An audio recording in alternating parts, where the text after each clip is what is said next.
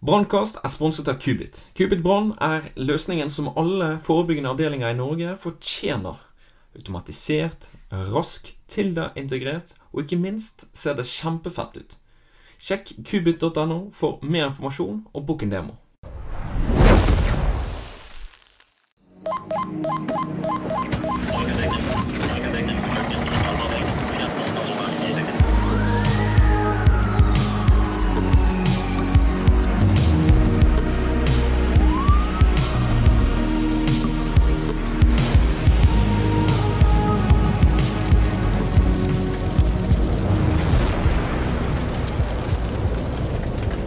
Hei og velkommen til en ny episode med Brannkast. I dag er temaet noe veldig viktig, nemlig Plivo. Eh, vi i brannvesenet er svært sjelden på dette, men en dag så kommer dagen. Jeg håper at denne episoden kan bidra til litt mer trygghet. Og til dette så har jeg fått med meg en gjest. Eh, dagens gjest er seksjonssjef for ambulansefaget på St. Olavs hospitalet, eh, nemlig Bernt Magnus Christiansen. Velkommen skal du være, Bernt.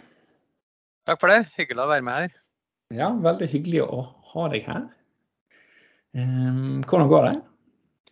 Jo, det går jo relativt bra. Eh, også vi i helsevesenet begynner å merke at eh, covid begynner å slippe taket.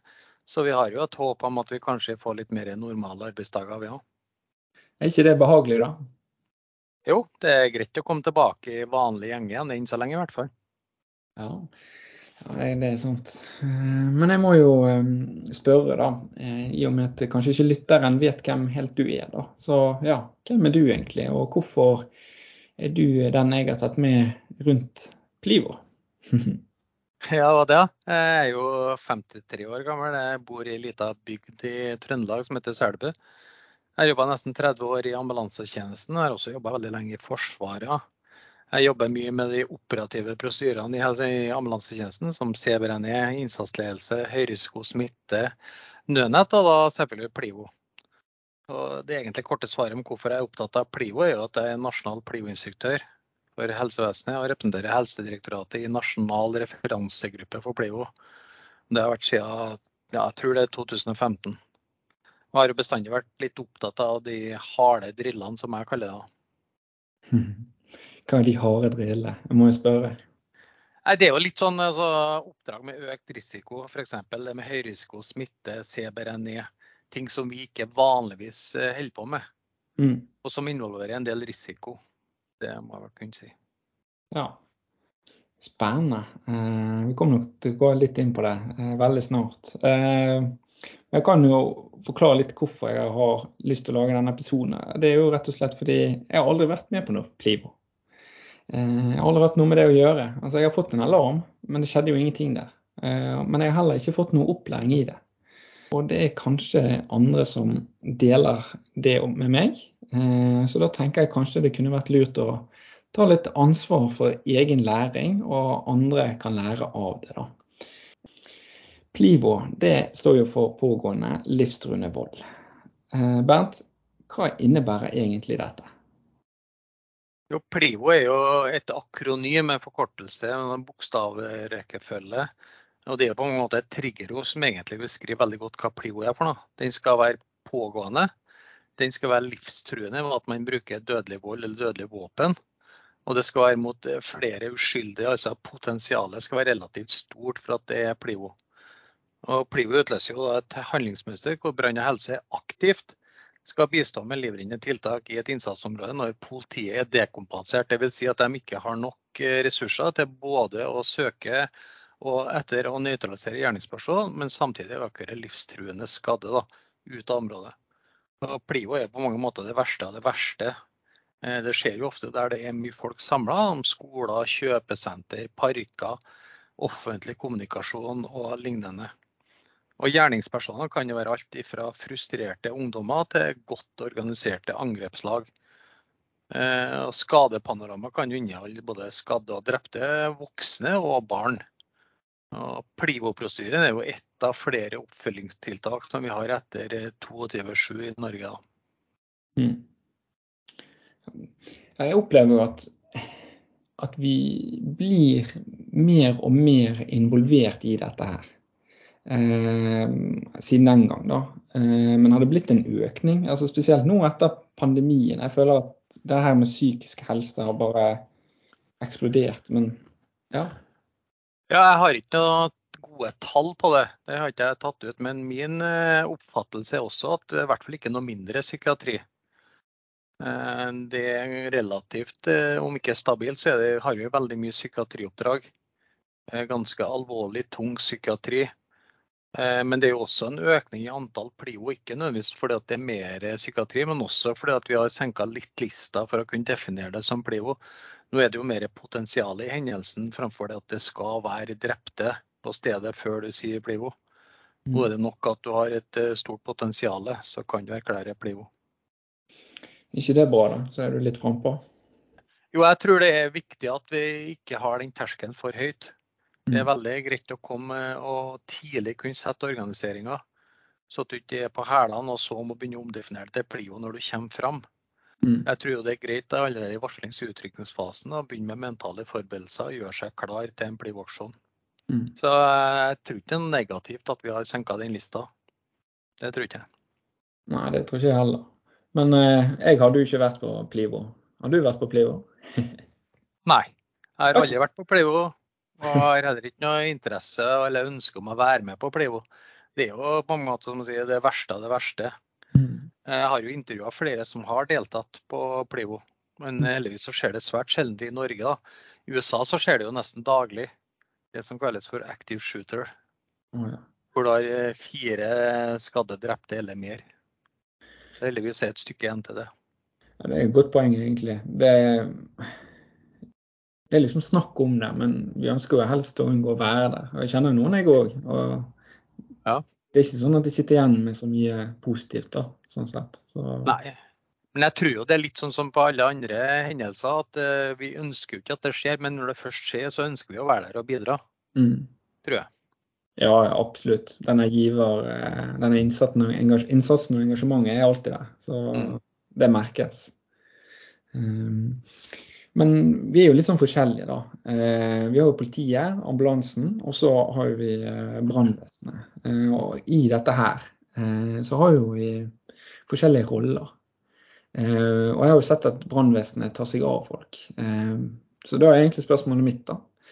Eh, hva slags forskjellige roller har de forskjellige etatene i det hele?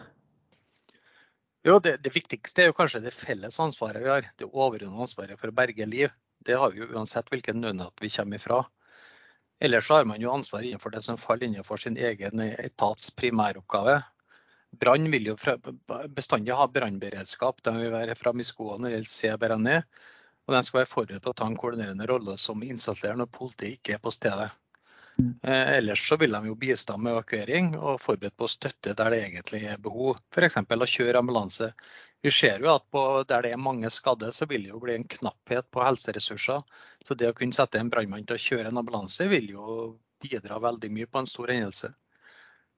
Politiet har jo sin primæroppgave. De skal jo uskadeliggjøre eller nøytralisere en gjerningsperson. Og de har jo også et etterforskningsansvar i sånne hendelser. Helse vi gjør jo egentlig det vi bestandig gjør. Vi skal prioritere pasienter, vi skal behandle dem og vi skal øke dem til et høyere omsorgsnivå. Det er jo i all hovedsak en enkel måte å forklare våre ansvarsoppgaver på. Men jeg har jo sett f.eks. at på Valdresekspressen den hendelsen der. Altså, og politiet ikke var til stede. Hvordan blir mm. det? Nei, Når politiet ikke er til stede, så må jo noen ta et ansvar. da. Og Det er jo de som er her til daglig. Og Av og til så har jo politiet ganske lang utrykningsvei, og da er det jo vi som kommer først til stedet som må gjøre en innsats, hvis det er mulig. Og Det vil jo nesten bestandig være mulig å gjøre noe.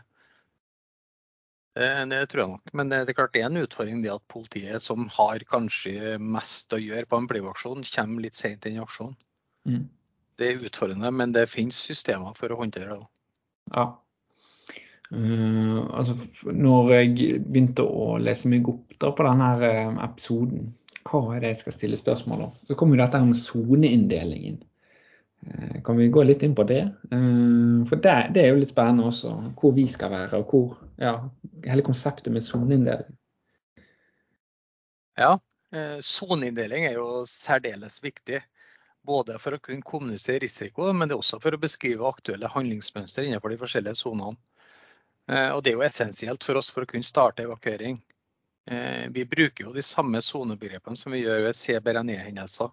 Og egentlig så betyr de mye det samme. Hot zone er jo et område med størst risiko. Eh, I Plivo så vil det bety altså der gjerningspersonen befinner seg, eller han har mulighet for å virke. altså Der at han har et skuddfelt f.eks. Mm. Og Der er det kun politi med nødvendig verneutstyr som oppholder seg. Akkurat samme som ved Sebrenje, hvor det er brann som er i hotzone. Så er politiet i hotzone på en Plivo.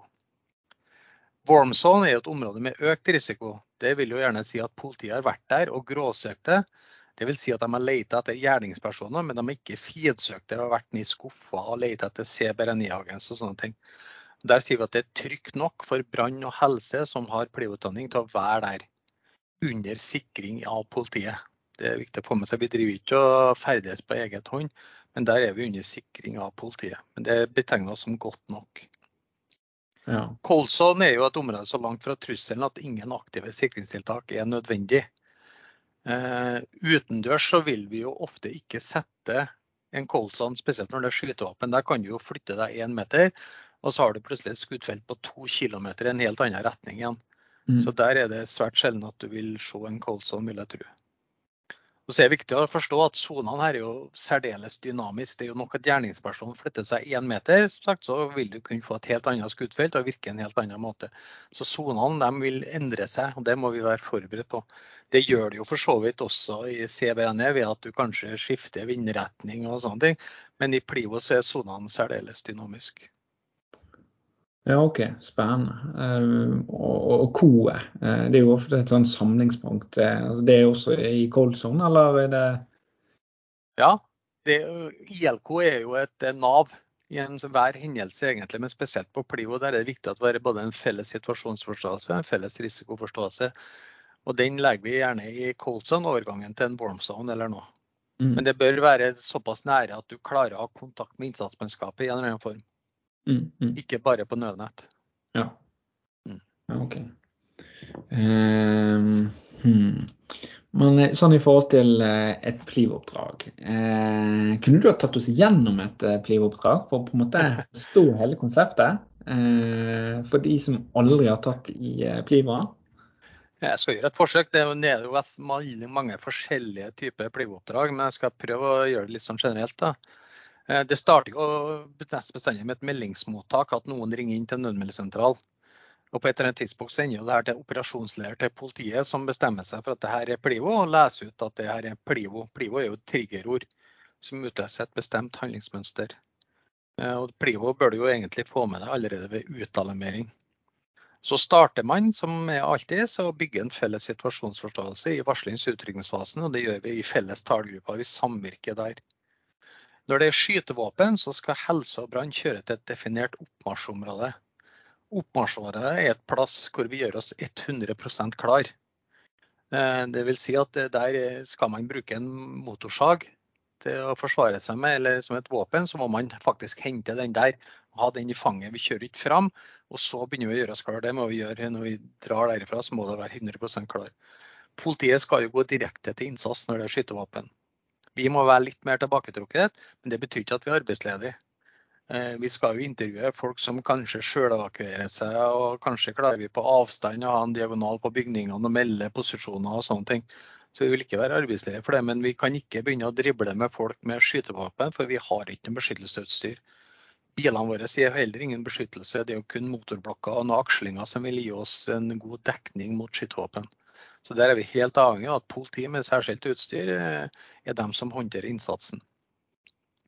Når det er kniv eller andre enkle våpen, og politiet ikke er på stedet, så skal helse og brann vurdere å gå til innsats uten politiet.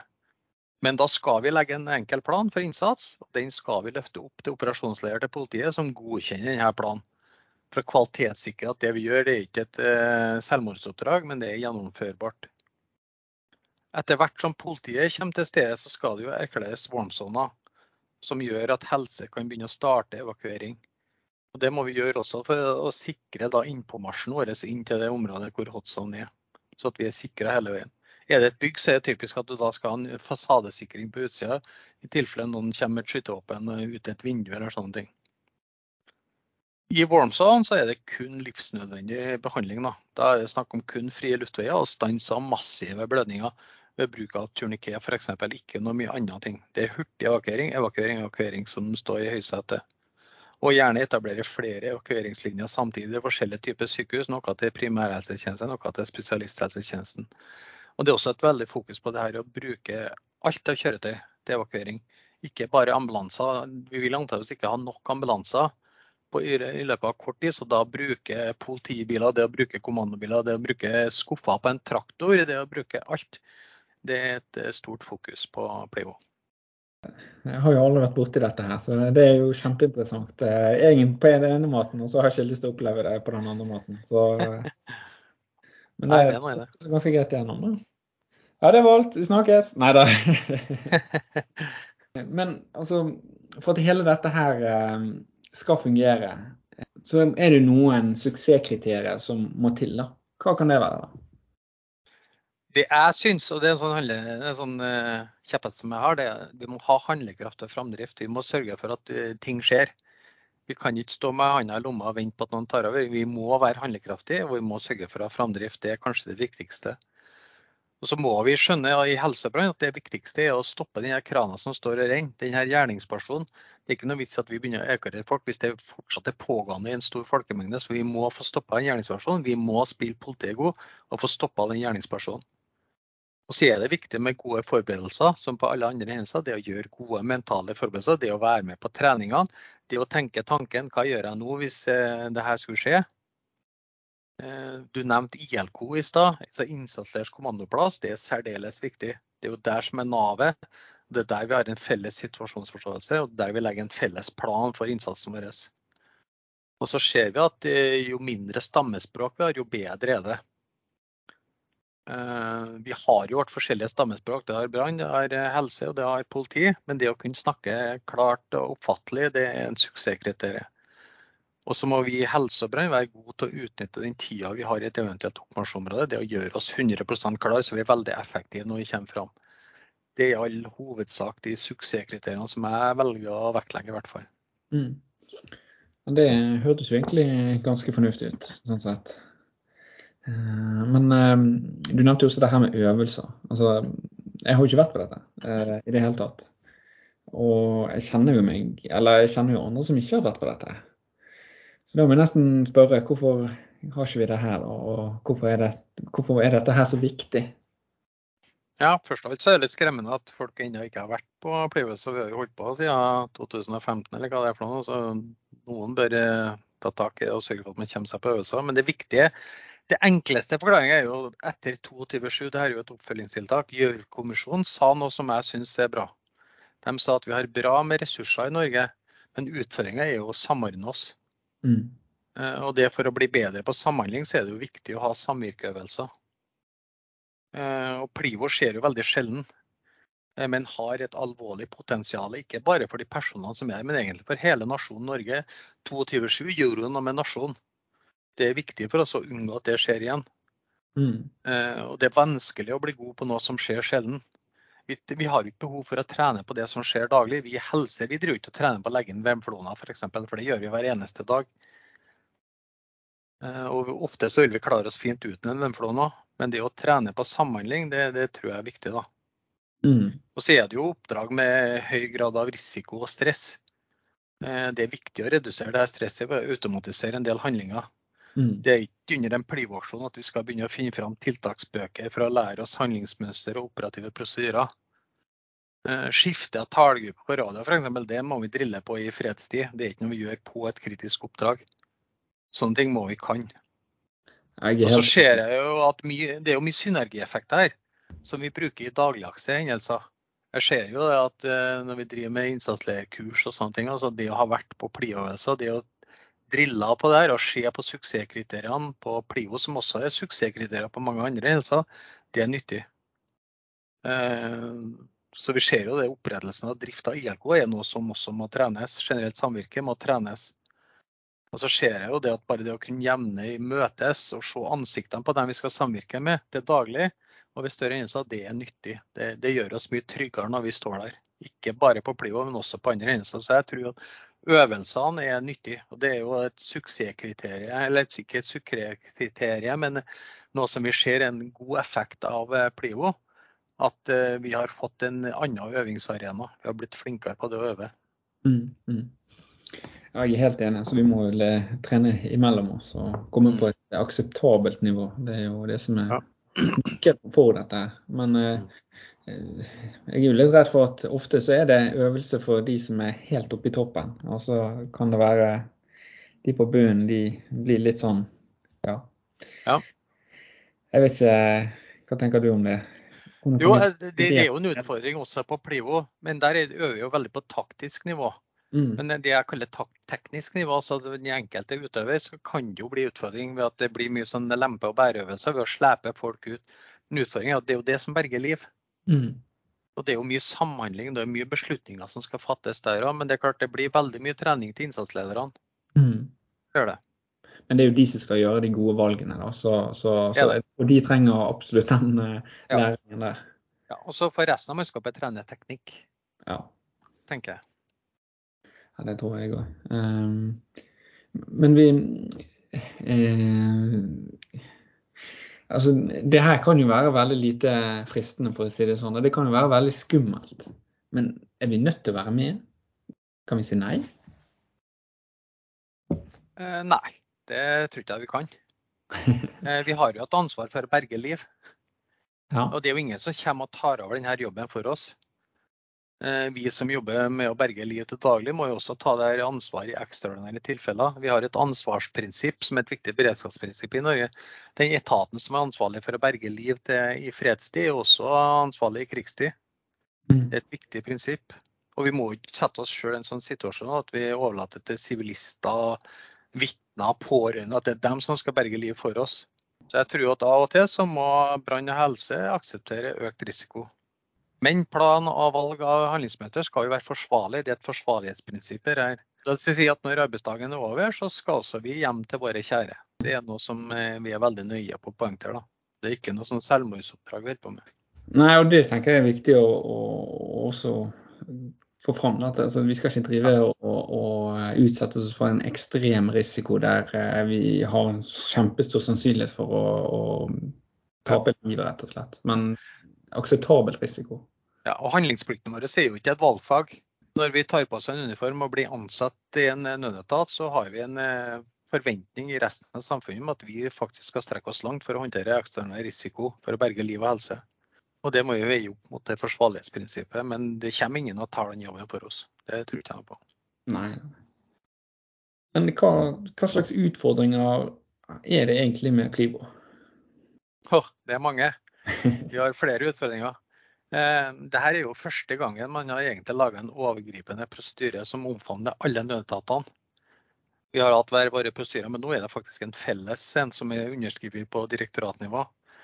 Eh, den største utfordringen vår er kanskje at vi har en forskjellig organisering og et forskjellig stammespråk. Politiet har jo en veldig nasjonal forankring gjennom Politidirektoratet. Hvor Politidirektoratet sier 'jeg vil, du skal'. Og så må politiet gjøre sånn. Sånn har vi ikke i helse, og i hvert fall ikke i brann. Eh, helse har jo en veldig regional forankring gjennom helseforetakene, så det er gjerne dem som beslutter. Og brann har jo en lokal forankring gjennom kommunene. Mm. Eh, denne forankringa har kanskje mest å si gjennom uh, hvordan vi skal legge opp de årlige øvelsene. Da kommer det jo fort spørsmål om liksom, hvem skal betale kveldstillegg til ambulansetjenesten, det at vi må kjøpe fri brannmannskap og sånne ting det problemet slipper jo politiet i større grad enn det vi gjør. Så ser vi at vi har et forskjellig stammespråk. Det, det kan være en utfordring. Sånn som helse og brann vet jo ikke forskjellen på skjul og dekning. I hvert fall ikke mange. Eh, politiet sier at vi skal finne oss dekning, og så legger vi oss bak en hekk. Det gir oss skjul, men det gir oss lite dekning. Så bare det å rydde opp i en del sånne stammespråk tror jeg er ganske nyttig. Men det er en del utfordringer rundt det, ja. Jeg tenkte ikke på det her med skjul og dekning, så eh, det var for meg det samme. Men uh, bare for å oppklare det, da, så er skjul det er bare at du er gjemt, men dekning, det er du beskyttet. Ja. Eh, Karosseriet på en bil vil jo gi deg skjul, men det gir deg ikke noen dekning. Prosjektet vil jo plystre gjennom en bil og gjennom en hekk. Men det gir deg skjul ved at de ikke ser deg. dekning gir også dekning for det våpenet som brukes. Mm. F.eks. en betongvegg. Ja, OK. Ja. Spennende. Eh, vi har jo lett litt sånn kort inne på det, men det her med lovverket. Eh, vi i brann og helse, er vi beskyttet på samme måte som politiet? Ja, jeg vil, jeg, men jeg vil jo på en måte si at vi har kanskje en bedre beskyttelse ved at vi ikke har den utdanninga og det utstyret politiet har. Så de kan ikke stille samme krav til oss når vi f.eks. skal pågripe eller uskadeliggjøre. Eh, det her har vært et voldsomt tema under utarbeidelsen av prosedyren, og det er gjort mye juridiske betraktninger rundt det. Mm. Eh, så det, jeg føler meg veldig trygg på det. Mm. Men det er klart, forholdsmessigheten ligger jo i at vi, når vi pågriper noen, og de har overgitt seg, så, så har de jo overgitt seg. Da påfører ikke de mer unødvendig vold Mm. enn det vi må. Og mer skade enn det vi eventuelt må. Ja, OK. Ja. Eh, og Du er jo inne på det her med skader. Altså, hva, hva skjer egentlig hvis vi skader noen folk, da? Nei, altså, det, det vil jo helt sikkert bli en politietterforskning av det. Men det er klart det stilles jo noe helt annet krav til oss når jeg snakker om helse og brann, enn det gjør til en politimann som har gått tre år på høyskole for å lære seg å pågripe noen og uskadeliggjøre noen, kontra f.eks. en i brannvesenet som begynte å kjøre på noen med en brannbil. Eh, Jeg ser ikke det som et eh, problem. Det er kanskje et teoretisk problem, men i praksis er jeg ganske sikker på at det vil løse seg. Mm. Uh, og HMS det er jo også viktig at vi snakker om. Det uh, i, det er ikke så mye HMS i Plivo. Eh. Og det er mye fokus på HMS, egentlig. Veldig stort fokus. Alle Ja. øvelsene til oss har jo et stort fokus, ikke bare for eh, selve Plio, men også for gjennomføring av øvelsen. Det skal jo være trygt nok. Når vi har en eh, gjerningsperson der som er markør, så må vi jo sørge for at han ikke blir skada. Så både for å kunne gjennomføre øvelsene i trygge rammer, men også for å kunne oppfylle forsvarlighetskravene i prosedyren, så har vi et høyt eh, HMS-fokus. Mm. Og det er mye fokus på det at vi skal ha en aksjonsplan som skal minimere med risiko eh, når vi går til aksjon. En viss risiko må vi nok akseptere, Mm. men den skal være så liten som overhodet mulig. Uh, og Vi har mye fokus på det her, bl.a. med kniv. Det er fort gjort, liksom, spesielt når du ser på en videofilm, at liksom, en kniv den er jo bare å sparke bort. Det er det ikke. Kniv er kjempefarlig innenfor ti meter. Mm. Så vi har mye fokus på det. Og likeens eh, ønsker vi, har helse og brann har noen gang på at vi skal begynne å jakte på gjerningspersoner i bygg. Det er en, på mange måter en spesialistjobb. Det skal vi være veldig forsiktige med. Mm. Så vi har et høyt HMS-fokus på øvelsene også. Mm. Ja, det er viktig å trekke fram. At det ikke, vi skal ikke leke cowboy og Nei, politi og røver. Eller cowboy og indianer. Jeg lekte aldri de lekene. Så. Ja. Eh, Men Bernt, eh, før vi av, har du noen avsluttende ord eller tips eh, om eh, Plivo? Noen, noen sånne take home eh, messages? uh, ja. Det viktigste er jo kanskje at flest mulig deltar i de årlige øvelsene. At man skaper en god arena en god kultur for drilling og øvelser. I hvert fall vi i helse har kanskje vært litt lite flinke på det. Eh, og at man da i større grad kanskje trener sånn som vi gjør reelt, altså train as you fight. Mm. Eh, at vi ikke tar så mye sånn øvingsteknisk, men at vi faktisk øver mest mulig reelt. Eh, Og ikke at vi liksom på en plio liksom sier at markørene kan reise opp og gå ut, men vi sleper dem faktisk ut, så vi får et reelt tidsbruk, og vi ser hvor lett eller hvor vanskelig det eventuelt er. Mm. Så øv. Det tror jeg er det beste tipset. Ja, akkurat det her med train as you fight. Altså, du må jo være mest mulig forberedt og best mulig forberedt. Så det, er- det er ikke noe vits å ta noen snarveier på det. Nei. Vi lurer bare oss sjøl. Ja, det er sant. Eh, men da tenker jeg vi runder av. Eh, tusen takk, Bernt, for at eh, du hadde lyst til å lære oss litt mer om Plivo. Eh, jeg håper at dette kan gi litt mer trygghet eh, og forståelse for eh, Plivo. Så tusen takk, Bernt. Jo, bare hyggelig. Eh, Det er jo et vanskelig og kanskje litt skremmende tema, men det er viktig å belyse de spesielle momentene som man har ved en plio-hendelse. Mm, helt enig. Da runder vi av. Vi høres.